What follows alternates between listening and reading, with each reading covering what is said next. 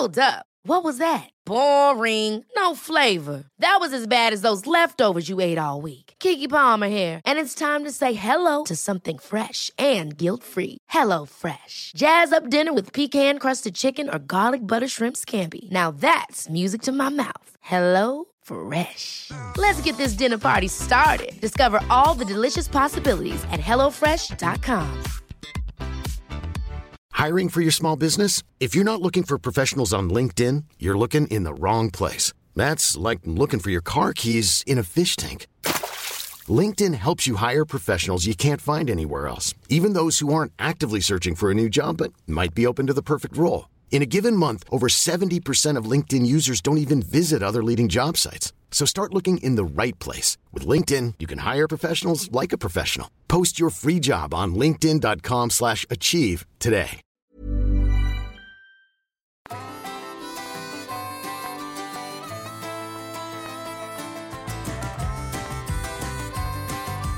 Hej och välkommen! Det är Toppenjakt, det är Kalle, det är Pang-Anders, det är en solig morgon i Nynäshamn. Hur är det i Luleå? Uh, men hej, hej, hej, fan det känns ju svinhärligt att vara här. Ja, fan, jag har ju nästan tappat allt det här. Uh, ja, men jag ska börja med vädret då. Det, det är väl jävligt blåsig och lite mulet. Kallt. Fem plus kanske. Ingen snö än. Nej, nej, fy fan vad jag gruvar med alltså. Är det sant? Helt sjukt. Alltså jag har aldrig haft sån här ångest över vintern, men, men eh, liksom, nu är det som att jag bara, den får inte komma. Är, jag vet inte fan vad det är, om det är att förra vintern med corona och allting eh, tog knäcken på mig. Den lär ju komma vill jag bara säga. Ja, ja den lär komma. Det, det är inte mycket jag kan göra åt. Jag kan, åt, jag kan liksom eh, göra mycket saker, men jag kan inte ändra vintern. Du har också valt fel ställe i Sverige att bo på om du inte gillar vinter. Nej, jag vet. Men det brukar inte vara något problem. Det är just den, det är bara nu. Jag vet inte varför det är så här. Kanske att hösten ska ta slut. Ja just det, jaktsäsongen. Som precis Ja. har börjat. Oj oj oj. oj. Jo. Vi har inte snackat på ett tag Anders, det var ju jävligt länge sedan. Kul att, att prata med dig igen. Vi, vi har ju varit med om mycket på varsitt håll liksom. Ja, jag vet. Det har ju blivit som att jag, mitt, eh, mitt eh, behov av att höras och synas har inte varit tillfredsställt, om man säger så. Eh, jag, jag, ja, men jag vet inte fan, jag har ju hamnat helt off här ett tag, men det, det är väl så bara. Och ni verkar ju ha skött det där utan problem, liksom, även fast jag inte var med. Det känns ju svinkul att vi, dels att vi kan surra nu och att vi snart ska synas ju. Vi syns ju nästa vecka. Vad ska vi göra då? Ja just det, vi ska till Astro. Vad kul! Ja, Ja, det, vi- eh, för er som lyssnar på podden Ja. då, vi, det här har vi inte sagt förut kanske. Eh, Den 29, alltså dagen när restriktionerna lättas i detta land, så anordnar Astro Sweden i Skara en jaktmässa. ja. Det är hela dagen och hela kvällen. Fram till klockan nio på kvällen så har de öppet hus och vi kommer vara där. Alltså jag tror att det kommer att bli skitkul. Hoppas det kommer mycket folk. Eller hur? Alltså det är som, eh, eh, det, alltså dels en chans att se Sveriges finaste jaktbutik ju. Men också en chans att träffa oss. Precis. Jag tror att jag kan lova brottning. Brottning ja. Ja, Ja, eller ja det, det, det tror jag. Det var ju så länge sedan vi såg så då brukar det bli så här överslagshandling. att vi bara helt random börjar eh, brottas. Men, eh, men det, Ja, men också en chans för lyssnarna att komma och brottas med dig ju. Oj, oj, oj, oj, oj. Ja, är det bara mig de ska brottas mot? Men um, kör, visst. Nu har ju restriktionerna släppt så då är det bara att köra. Ja, men jag, jag har aldrig tackat nej till en utmaning, så, så är det någon lyssnare som ska dit och känner sig brottningssugen så bjud upp mig på något jävla podium där så kan vi brottas i bara över. men eh, vi, ska ju, vi ska ju träna, eller tävla också va? Mot varann. Ja men exakt.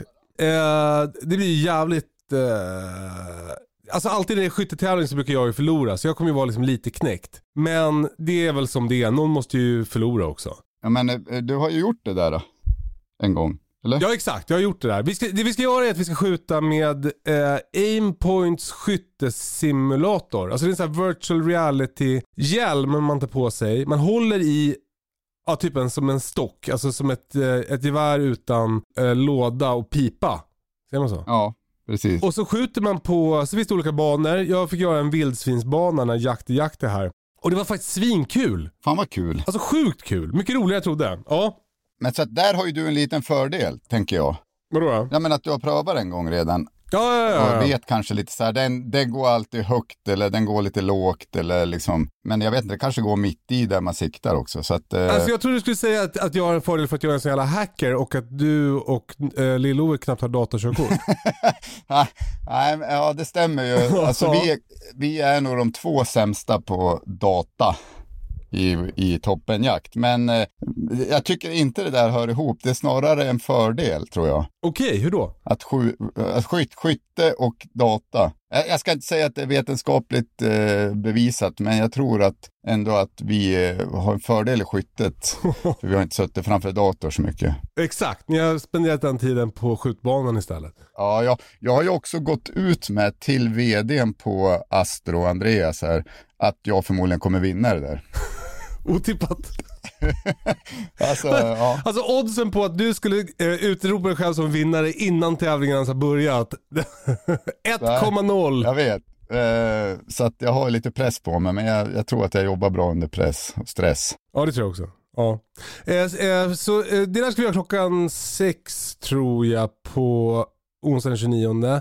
Eh, och sen klockan sju eller åtta eller någonting, åtta tror jag, så är det livepodd. Då kommer vi göra det här som vi gör nu fast med publik. Och det kommer bli väldigt spännande tycker jag. Ja, alltså det blir ju sjukt kul. Eh, jag vet inte riktigt hur det ska gå till, men jag tänker att vi ska sitta på en, i någon hörna eller någon scen eller någonting och folk där ska kunna ställa frågor eller ska vi, ska vi sända det på något sätt också? Eller? Ja precis, alltså, vi kommer ju dels att göra det som en, liksom, nu höll jag på att säga föreställning, men jag vill kanske inte, ta- jag kanske tar ner förväntningarna lite. Eh, vi kommer att sitta och surra liksom. Eh, och sen så kommer man kunna ställa frågor till oss, men vi kommer också spela in det här. Så att nästa podd som kommer, eh, där du har hämtat den här podden, du som lyssnar, då, då kommer det vara från den här live-grejen hos Astro i Skara. Ja, fan det blir ju magiskt coolt. Och jag tror vi också kommer filma det här och lägga ut på YouTube och jada jada jada. Undrar om man får någon, någon långburk innan så att liksom man så här chillar lite grann eller vad tror du? Det utgår jag ifrån. Ja, det tror jag. Det hoppas jag. Eh, apropå YouTube så, YouTube, eh, så vi har ju eh, jävligt mycket härliga filmer i, eh, på, på gång. Vi har ju filmat både björnjakt och renjakt. Mm. Och eh, om jag får citera Lars som sitter och klipper renjaktsfilmen. Han skrev igår, men dra en gräns. Och nu, jag pratar inte flytande lulemål, men jag tror att det betyder att det är fint va? Jo, ja men precis. Det, det kan ju vara åt båda hållen, men åt den den här fallet tror jag att det är bara till det positiva. Eh, ja, men både du och jag har ju sett lite så här bilder och några småklipp har jag sett när jag var och hälsade på Lars. Ja, det ser ju helt jävla sjukt ut alltså. Ja, det var ju helt sjukt. Alltså eh, renjakten var ju helt, helt sjuk. Och jag vet att förra, de pratade om renjakten i förra avsnittet. Men jag måste få prata lite om det utifrån mitt perspektiv. Mm. För, för renjakten eh, har ju länge, var, har länge varit en drömjakt för mig. Men, eh, jag tror att det hänger ihop med att den som fick mig börja jaga var ju min storebrorsa, Mm. Erik. Känd från TV4. Och han åkte och jagade ren för, vad kan det vara, tio år sedan typ. Och det såg så sjukt mäktigt ut. Och han berättade hur han fick bära sin ren ut över, från fjället. Det var åtta kilometer, det var så tungt och han fick slita. Och, och det var så mäktig natur och så här. Och jag, så jag har varit så himla sugen på den här jakten. Och nu när vi äntligen fick chansen så var det precis så där mäktigt som man trodde. Ja, det, Alltså det var liksom, det infriade alla förväntningar. Det är som att, alltså att vara i fjällen är ju bara det i sig sjukt mäktigt. Mm. Alltså jag älskar att vara i berg. Eh, Det, det är min stora livssorg är att det är så långt till berg från där jag bor. Ja men typ, jag, det är något med liksom hur det låter i bergen. Alltså akustiken är så jävla mäktig. Man känner sig så liten och obetydlig och förbluffad över naturens under. Och att då i det dessutom få ha liksom ett, ett syfte, ett mål som är att man ska hålla på och kikarspana efter djur som man sen ska försöka smyga sig närmre i det där kala landskapet utan vegetation där man kan gömma sig bakom. Alltså det är så jävla, det är så coolt så att man, och, det, och dessutom så är det slitigt så att man har liksom man får utlopp för den där grejen som i alla fall jag har som är att jag behöver röra mig för att må bra. mm. Så man får liksom, det bockar som av alla grejer för mig. Alla checkboxar. Alltså hade liksom min familj var, kunnat vara där också fast på in, ändå inte. Så hade, det, hade jag velat vara kvar där för alltid. Det känns, alltså jag har ju bara sett bilder och fil, lite film, ja men det, det, ser ju helt fantastiskt ut alltså. Det är ju, och jag fattar vad du menar med, med, liksom, med, med fjällen och berg. Vi har ju varit och jagat ripa ihop du och jag, då var det ju också så här magiskt. Ja. Men, men jag tror att kan man hantera det där till det positiva, då är det helt magiskt. Alltså vissa får ju får ju den här, ehm, den känslan som du berättade om, eh, att man är liten på jorden, att det är så stort och man, man är ute ingenstans. Och den kan ju slå negativt för vissa om jag fattar rätt. Att man får en så kallad, jag vet nu inte om det finns något annat namn för det här, men lappsjukan. Att man får typ panik över att man är långt ute ingenstans, man är liten, man är obetydlig, det är så mycket stort runt omkring en. Ja, jag, jag, för jag tror att lappsjuka var det där när man är, är som less på att sitta i en stuga jättelänge. Ja men det är väl, jag, eh, jag, jag fattar det som att det är där också, att man, det kommer från att man är helt ensam långt ute ingenstans och ja. Eh, jag kan ha fel men jag, jag har liksom hört folk som har fått den och då kallar de det också för lappsjukan. Så. Ja, jag fattar, jag fattar, jag fattar. Jag hade liksom ingenting av det. Nej, Eh, men sen det har väl att göra med också att vi var där, liksom ett gäng polare, vi hade en, en härlig guide som hette Jakob som tog hand om oss. Så ja, jag fick ingen sån känsla. nej. Då, vi, vi, jag och Lill-Ove kom ju sent på kvällen, kvällen innan från eh, björnjakten och eh, kom fram när det var mörkt. Så vi hade ingen aning om var vi var någonstans. Vi bara körde på någon kringlig krokig väg. Man hade som en känsla av att det var något mäktigt på gång. Men vi såg ju ingenting, det var helt kolsvart ute. Mm. Så kom vi fram till en liten stuga och där inne var då eh, Lex och Lars och Erik och Jakob. Och Solveig också från Bearskin var där. Mm. Ja men också två, två norrmän också som, som skulle gå med oss. Så det, det, var, det var värsta, de var jätteuppspelta för då hade ju Lex fått skjuta den dagen. Och så. Mm. Men, men, och så man hade som en känsla av att det här är, det är något magiskt på gång. Men fortfarande bara, vi hade ju bara suttit i bilen och som, kört som i en tunnel för det var så svart ute. Och kommit fram till en stuga utan el. Så man fattade liksom inte vad det skulle bli. Men sen på morgonen när vi vaknade, då, då, liksom, då fattade man, då, den här stugan låg som i en dalgång. Ja det var, det var ett sjukt vackert landskap. Och jag, jag orkar kanske inte berätta så här supernoga jag kommer på nu. För det, det här har väl ni kanske hört redan från förra podden som jag inte har lyssnat på. Ja, men, men, jag kan ju lyssna, jag kan inte lyssna nog på det, men, men jag förstår vi kan ju inte babbla ihjäl oss ett avsnitt till om eh, renjakten. Men vi, då gick vi i alla fall he, hela första dagen och jag, då såg vi bara en och det, då kändes det så här, fan är det så här svårt? Ja. Men sen, sen eh, eh, den andra dagen då, då, då gick vi till ett annat ställe eh, längre norrut och där var det ju mycket ren och då är det där, alltså hålla på och, och när man har så här att det är en och en halv kilometer bort så ser man en, en ren jord. Att få, liksom, få smyga mot den då, det är så jävla Ja, fy Ja, det, är så, fan. det är så sjukt mäktigt. Men, men det som var, det som var liksom, eh, vad anledningen till att det blev så starkt för mig det här med renjakten, det var att när vi hade gått då typ tre mil så kom jag, så kom vi äntligen till ett läge där vi kunde få skjuta. Och vi, vi sprang i någon jävla ravin och vi la an och det var, eh, de var för långt bort och det kom stora bockar närmre och det var jättespännande och kom de att se oss och vi fick, och när de hade kommit en bit bort så kunde vi åla ner i ravinen och springa ännu längre. Och sen så kröp vi fram över något litet krön och så, nu, så hade jag som en, en, jag hade ju kalv på licensen då, som jag äntligen skulle få skjuta. Och så sköt jag och jag såg hur den liksom tecknade och då sköt Lill-Ove, för han skulle skjuta ett eh, hondjur då. Mm. Och hans eh, TRG smällde så in i helvete rakt i mitt öra. Så jag var som lite desorienterad så här. och guiden började high-fivea mig för han hade legat och kollat på min kalv och såg liksom att den tecknade sig. Det där ligger, jag bara hade som en så här dålig känsla. Ja, Och till saken hör ju att jag har som en liten tradition av att, att bomma ganska mycket. Jag, jag, liksom, jag skidar långt, jag upptäcker fåglar, jag smyger an, jag, jag är liksom bra på allt det där som inte är skjutandet. Jag, jag får liksom många chanser men jag bommar också ofta. Och, och jag hade som så här, fan det, alltså, såg den inte gå ner. Lill-Oves simle, hondjuret, det bara drar sig rakt ner i backen. Jag tänkte så här, fan hoppas den ligger där, hoppas den ligger där. Och det var så här, oh high five och vi filmade och high five för filmen. Och jag bara, "Ja, jag vill inte riktigt, kan vi vänta tills vi har sett den ligga? ja. Och så började vi gå fram så här och jag bara, jag bara känner paniken växa i mig.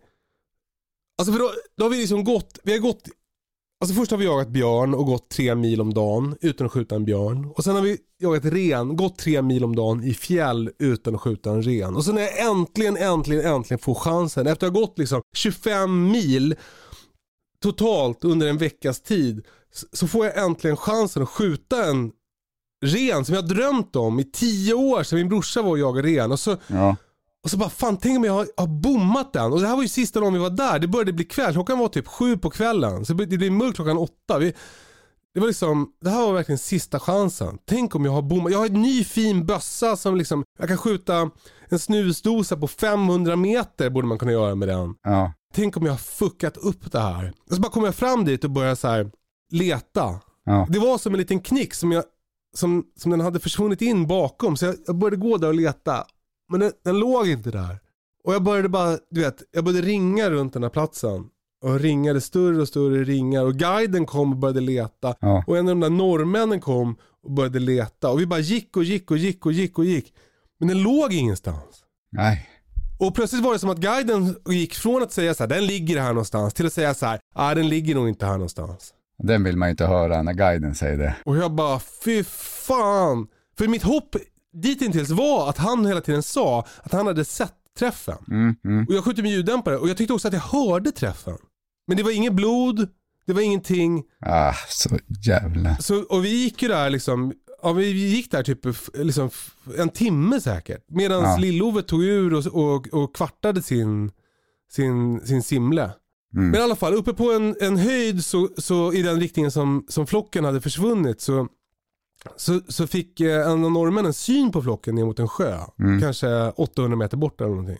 Och då var det lite så här som att, som att eh, folk var rätt sugna på att börja gå tillbaka till bilarna. Liksom. Att de, de kände sig klara. Mm, Men jag bara, mm. fan så här. Så då började jag bara gå.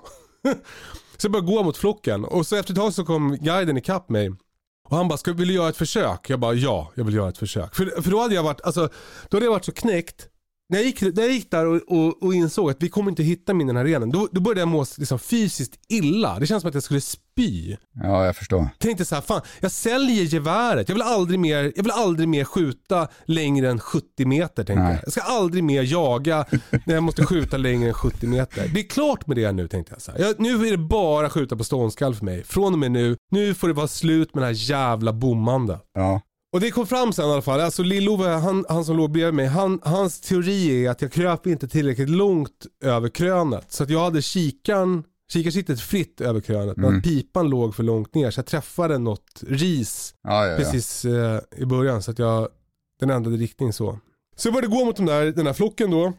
Och den försvann ner bakom ett, ett krön. Och, och det började liksom skymma så, här. så jag började få bråttom. Gå, gå, gå.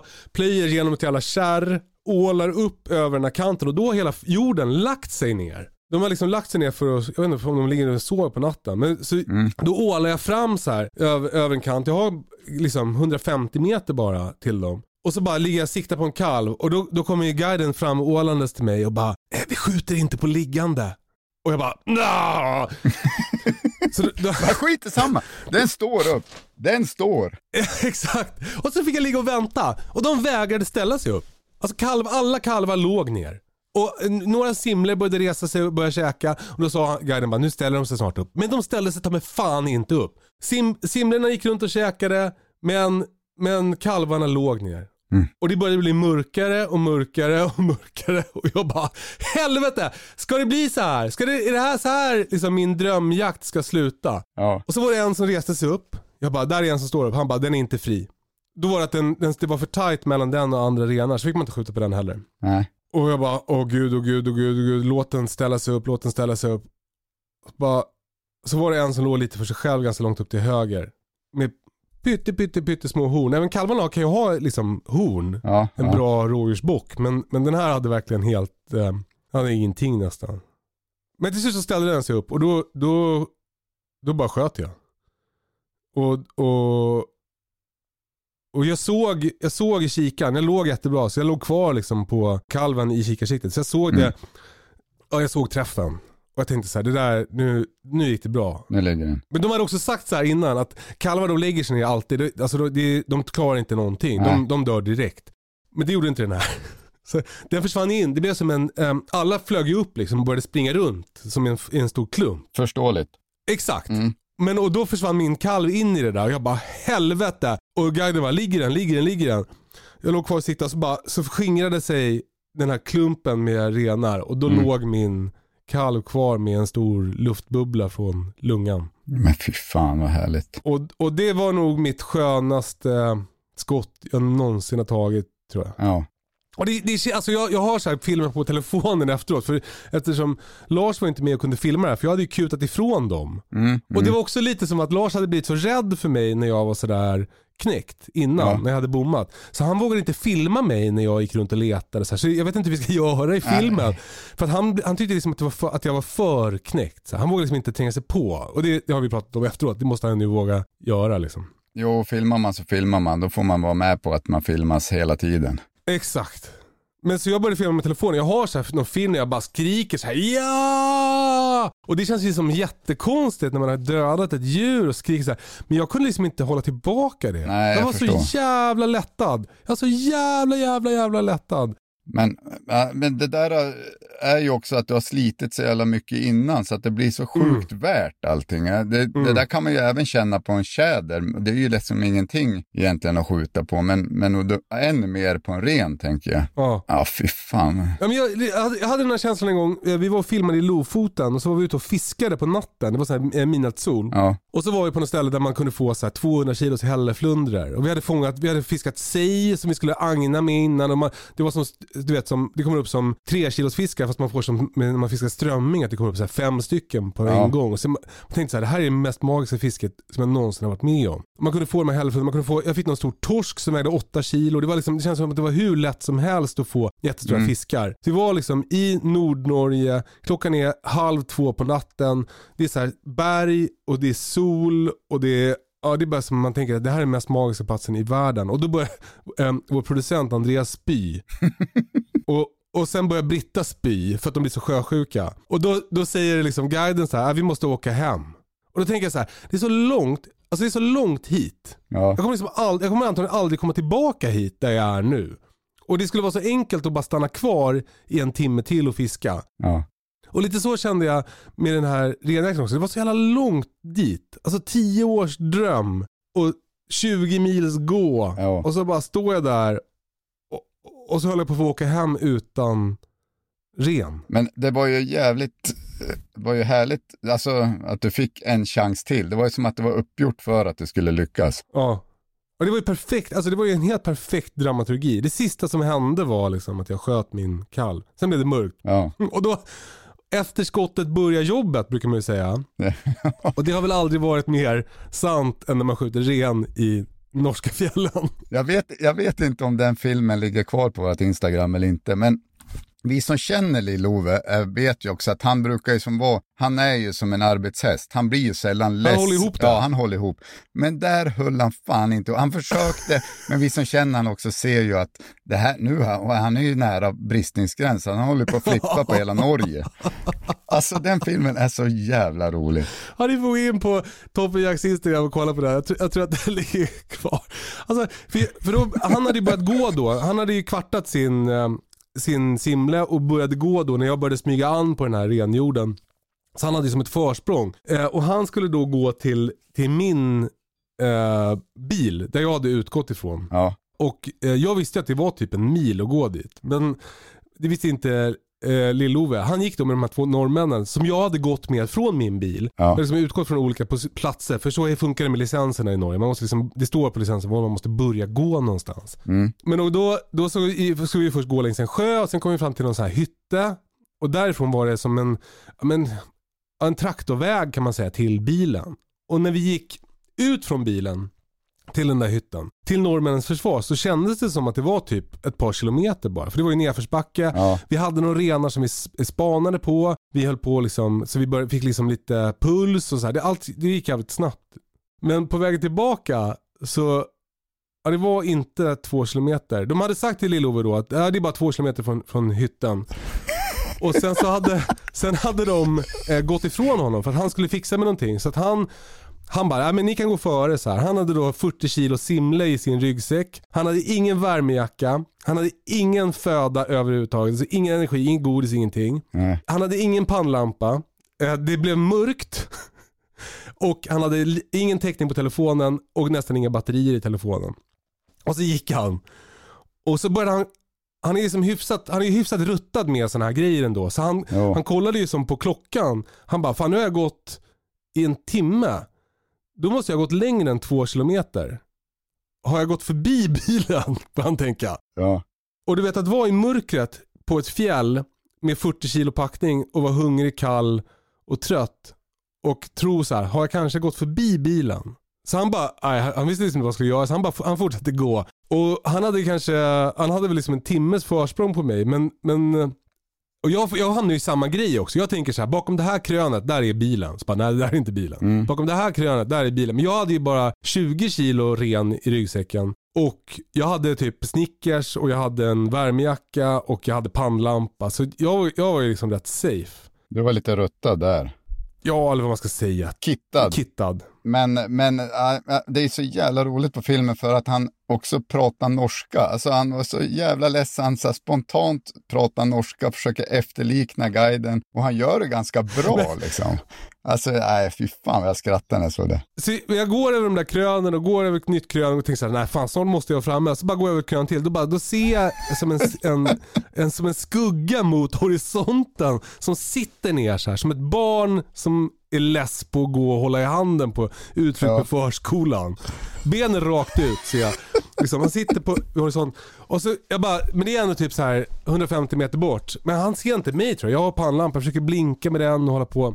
Men han börjar som stappla bortåt. Så jag bara, okej jag ökar tempot så här. Så bara, då tänker jag, han- okej han sitter väl där för att han har gått i bilen och så sitter han och kollar efter mig för han undrar var jag är någonstans.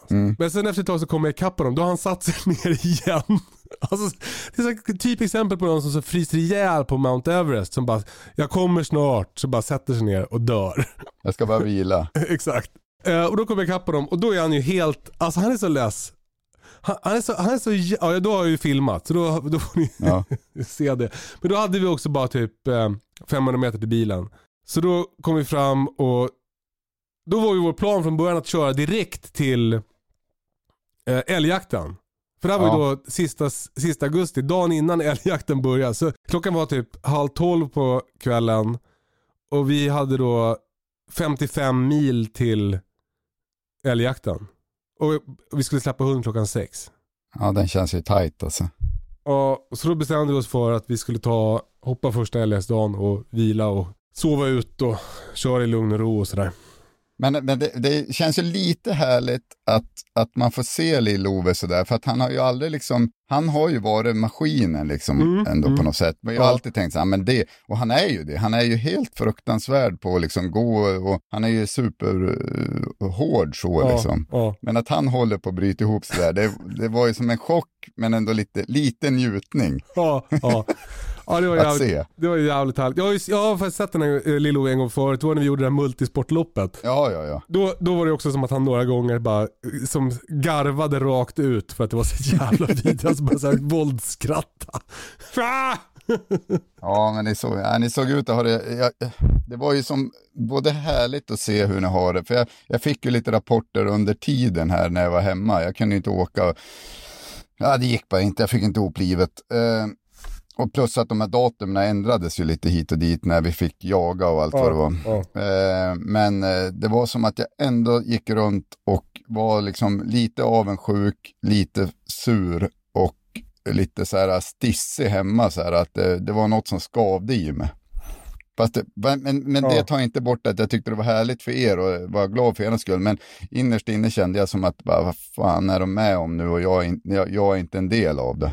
Nej. Ja, men det känns ju konstigt att du inte var med såklart. Det, det känns ju ofta när man gör såna här grejer liksom ihop som är grisiga, jobbiga.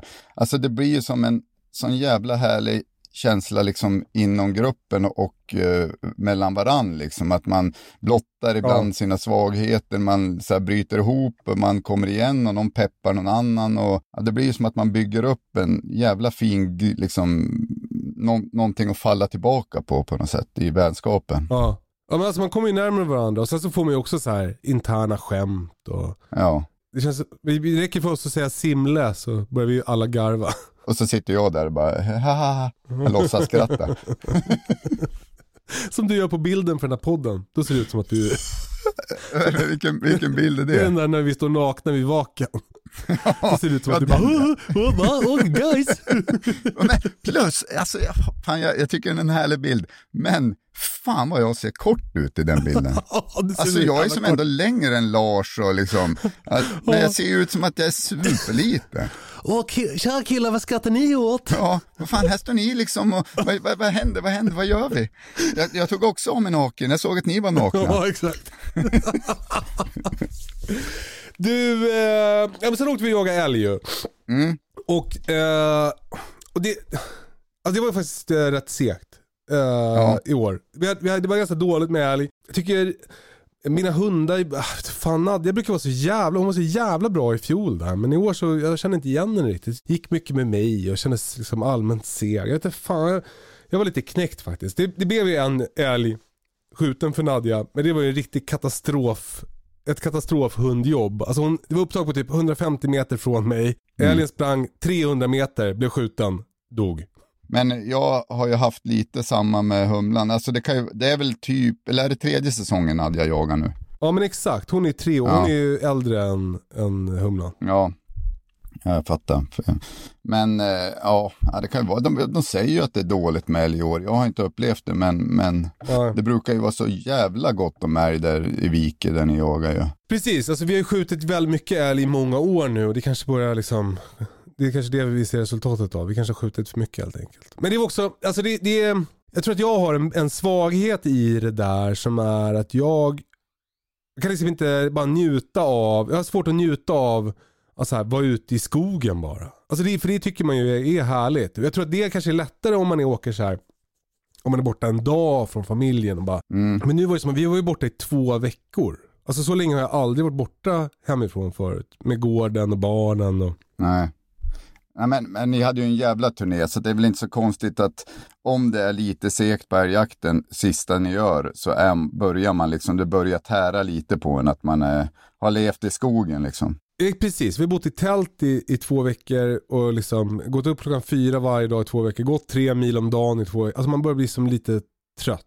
Druckit bärs Mm. varje dag så. Ja. Sen är det också något med att man börjar liksom, jag börjar liksom skämmas lite över att jag är borta. Alltså när det, så här, vad fan håller jag på så här men ändå inte kan skjuta någon jävla ä. Så där tänker jag liksom. Jag vara borta Mm. i två veckor. Typ, som Albin ska passa, ska hjälpa mig att mata hönsen och min farsa är där för att mata grisarna och det är så bara och man bara tänker så här, ska alla de här ställa upp så här för att jag ska hålla på och bara, jag och Nadja ska gå runt i skogen och inte hitta älg. Vad fan är det liksom? Nej, jag fattar känslan. Bara, det är det värt det här liksom. Och Exakt. de sliter som fan och jag bara, jag gör ju ändå ingenting. Jag bara går Exakt. runt i skogen. Exakt. Och för, jag, för, helt ärligt så min frys börjar bli lite tom hemma. Vi käkar ju typ älg som vår staple här hemma. Ja, Och det börjar bli så tomt, jag behöver liksom köttet fan. Ja, men eh, hösten är lång. Exakt, exakt. Jag, jag kommer ihåg Ja. upp flera gånger. Så förhoppningsvis så, så kommer det där att lösa sig. Men jag, då känner jag, och så man blir lite, lite mätt på det där livet. Det är ganska skönt att komma hem och få lite rutiner. Och, alltså när jag kom hem så åkte Britta till Italien en vecka. Så, så det var ju Mm. som att, det var först när hon kom hem som, alltså det var ju typ andra veckan i september. Det var typ då som vi började så här, hitta tillbaka till några slags rutiner efter sommaren. Och det är liksom lite för sent. Det var som lite Jo, jag fattar. kaos i huvudet. Men så, du åkte ju jaga älg sen ju. Ja, jag åkte ju när ni, alltså bra precis när ni hade avslutat, var det väl i söndagen där. Söndagen åkte jag ner till Pauträsk i Västerbotten och jagade. Ja. Eh, Ja, det var ju svinhärligt. Jag var ju, liksom, hade ju haft någon slags uppdämt behov och uppladdning under hela eran turné, så det, det kändes ju skitkul. Det är, ju- det, det är ju alltid det man, det man längtar efter innan jakt, är ju det som man tycker kanske, det här med att bo ute i skogen och vara och dricka bärs och det, ja, alltså det längtar man ju så jävligt mycket efter. Ja. Eh, Så jag åkte ner söndagen och sen började vi jaga på måndagen.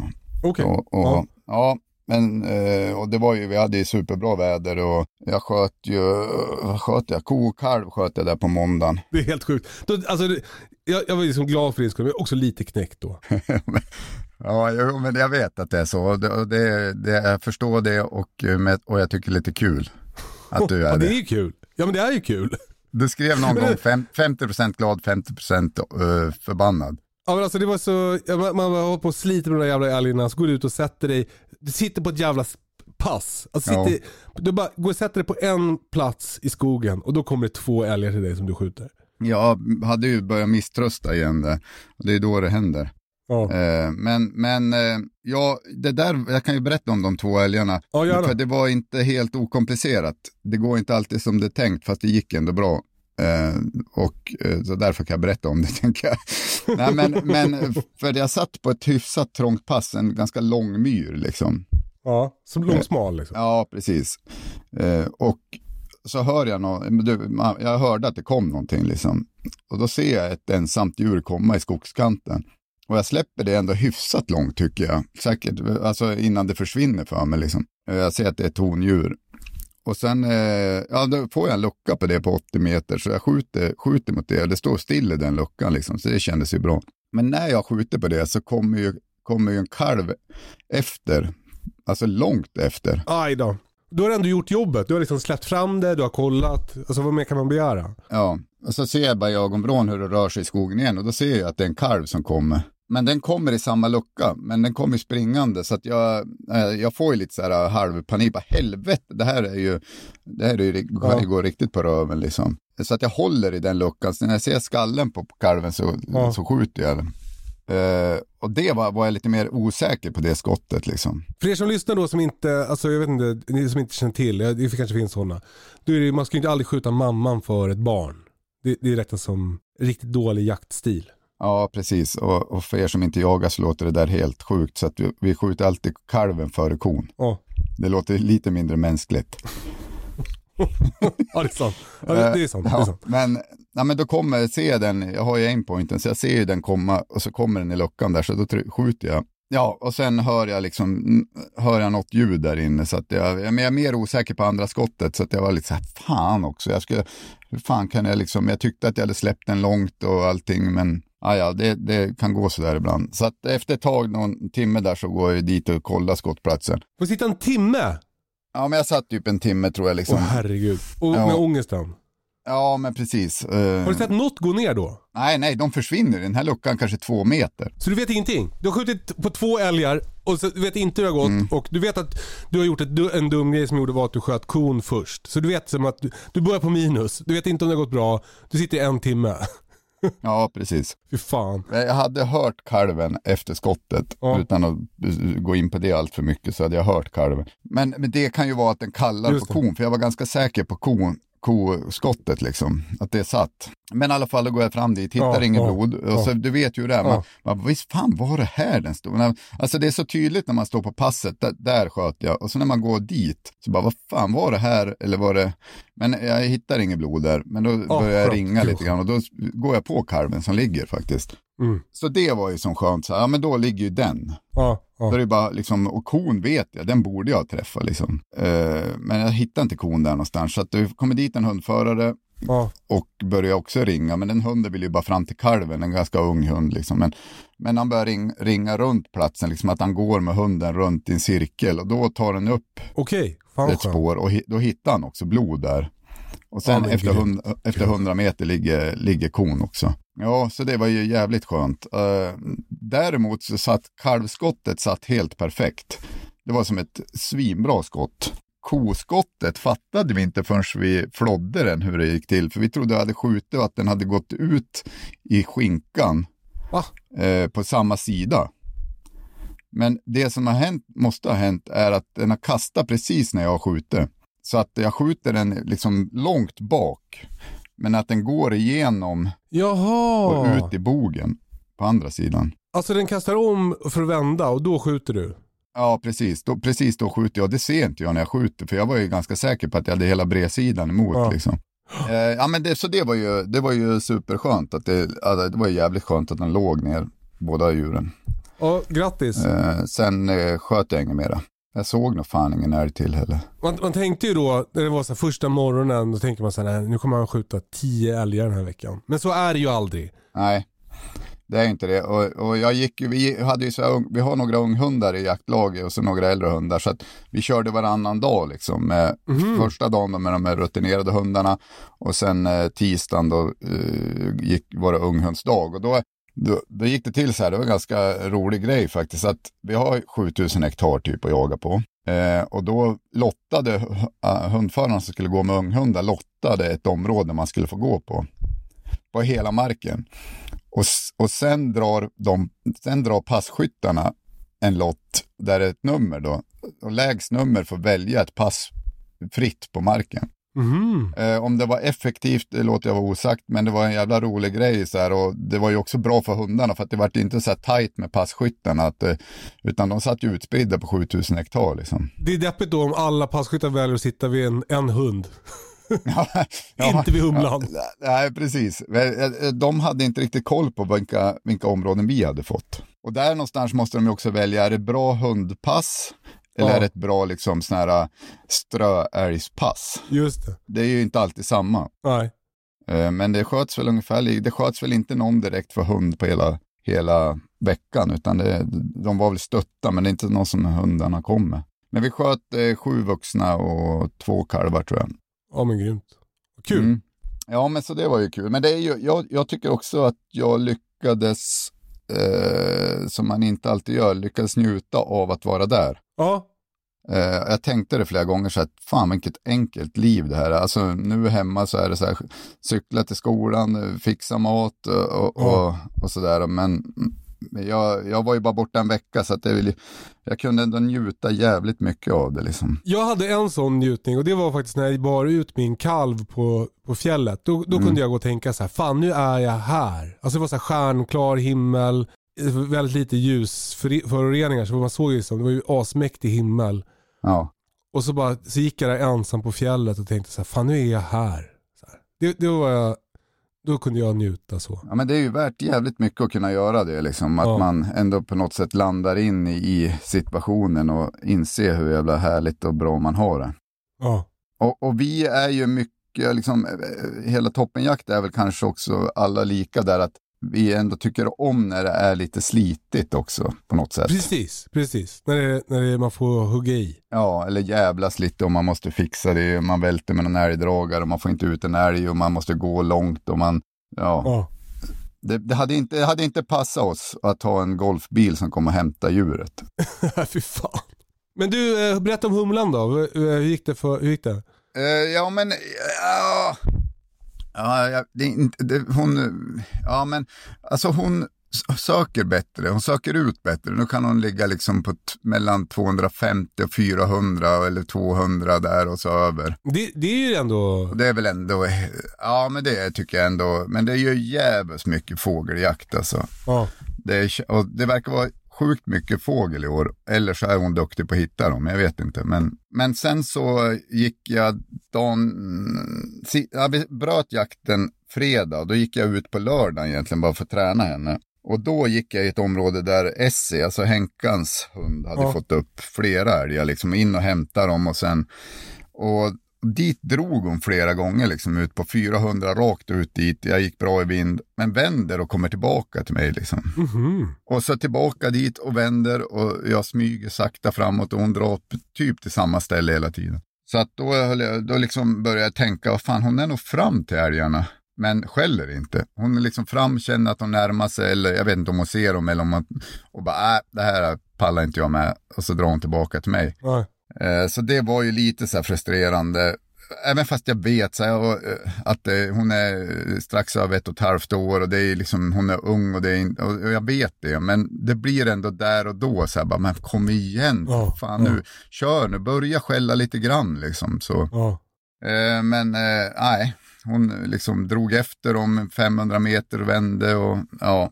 Och jag är ganska jag är 95% säker på att det är, jag hade äh, färska älgspår dit hon sprang liksom och, och sådär. Så att hon skällde aldrig. Ja. Och då var jag lite så här, fan, men då behövde jag bara lite stöttning i min teori om det här med unghundar som Peter Ekeström har pratat om så mycket i att första året går de bara på, på instinkt liksom. Men när de börjar, för Ja. förra året skällde hon ju älg. Hon skällde, skällde gris när hon var liksom åtta månader. ja. Men, men eh, och då fick jag ju lov att ringa han på vägen hem från jakten. Men han sa ju samma sak, liksom, att det börjar ställa till det i skallen på dem när de går in i vuxenvärlden. Liksom, andra löpet är klart. Hon börjar inse så här, att det här är ju inte bara instinkt, det är ju också lite så här läskigt. Men, men att det kommer gå över. Att hon Jag bara... tycker man, när man träffar humlan så känner, tänker man så här, det här kommer bli en bra jakthund. Hon har så jävla stark så här, eh, liksom, energi. Ja, hon har ju jävligt mycket energi, men hon är ju också jävligt eh, omogen.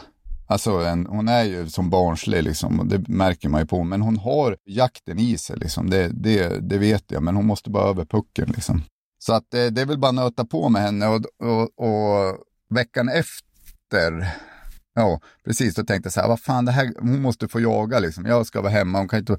Så då skickade jag, det var en, en, en kompis här uppe som heter Mats uppe i Luleå här som, han jagade veckan efter nere i Vilhelmina-trakten. Mm. Och han har ju Rut, en hund som de två, är, Rut och Humlan är ju svinbra polare liksom.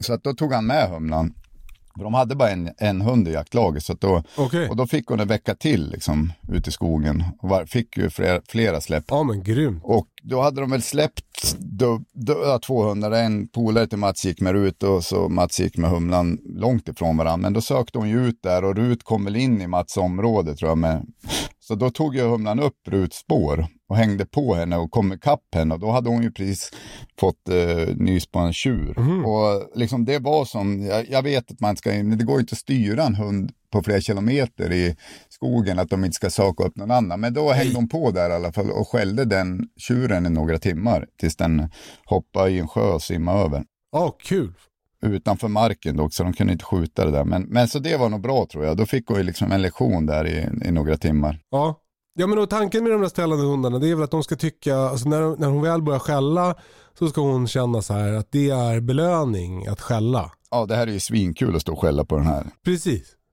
Och, och så att det, det, det, är det hon ska vilja sen. Mm. Alltså att det själva skjutandet är inte nödvändigtvis liksom crescendot för en ställande hund utan det är själva ståndarbetet som är crescendot för en ställande hund. Så då, och det fick han ju. Jo, och har man en hund som skäller, alltså, då är det ju inte så viktigt att skjuta igång den. Jag, jag fattar det som att man kan skjuta igång en hund om den har dålig jaktlust, liksom, eller att det går jättetrögt. Liksom. Just det. Eh, men jag vart ju så här, fan hon rädd älgen liksom. Eh, så jag, fick ju åka, ut på en döälg här under jaktveckan och liksom släppa henne och gå i vind och den tog hon ju upp på några hundra meter och drog fram och började skälla på den så det, det, var ju ändå skönt. Så att... Ja, skönt. Men så vi får se, jag ska kanske släppa om på måndag här nu. Ja, kul. Så får vi se om, det, om, om hon...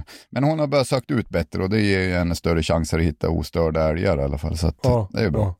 Ja, kul. Så att, eh, nej men så att det, det, det, vi, vi kämpar på.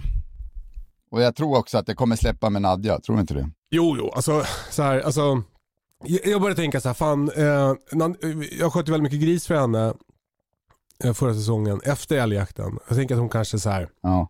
tycker att det är lättare och roligare och Ja, jag vet fan. Som att hon kanske äh, längtar efter grisarna nu. Jag vet inte. Vi får se. Mm. Jag har ju mm. också mycket förhoppningar på min. Jag har ju tagit en jämthundsvalp så jag hoppas att den ska jaga älg nästa år. Så då, då är ju, kan ju Nadja fokusera på sina vildsvin om det är det hon vill. Det, Nadja känns ju likadan som Humlan om inte mer.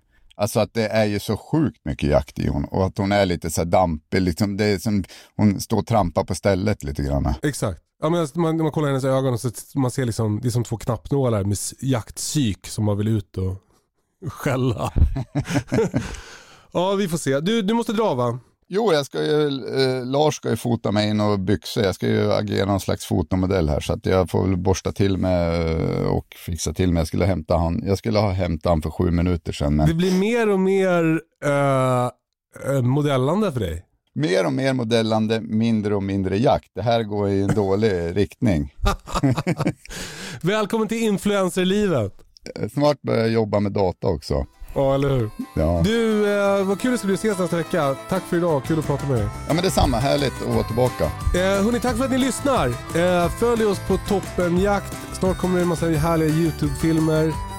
Puss och kram! Puss puss, ha det bra. Hej då. Hej!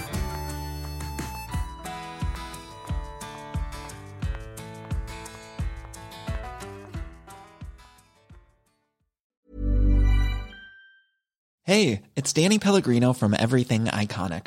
Ready to upgrade your style game without blowing your budget? Check out Quince. They've got all the good stuff shirts and polos, activewear, and fine leather goods, all at 50 to 80% less than other high end brands. And the best part? They're all about safe, ethical, and responsible manufacturing. Get that luxury vibe without the luxury price tag. Hit up quince.com slash upgrade for free shipping and 365 day returns on your next order. That's quince.com slash upgrade. Even when we're on a budget, we still deserve nice things. Quince is a place to scoop up stunning high-end goods for 50 to 80% less than similar brands. They have buttery soft cashmere sweaters starting at $50, luxurious Italian leather bags, and so much more. Plus, Quince only works with factories that use safe, ethical, and responsible manufacturing. Get the high-end goods you'll love without the high price tag with Quince. Go to quince.com/style for free shipping and 365-day returns.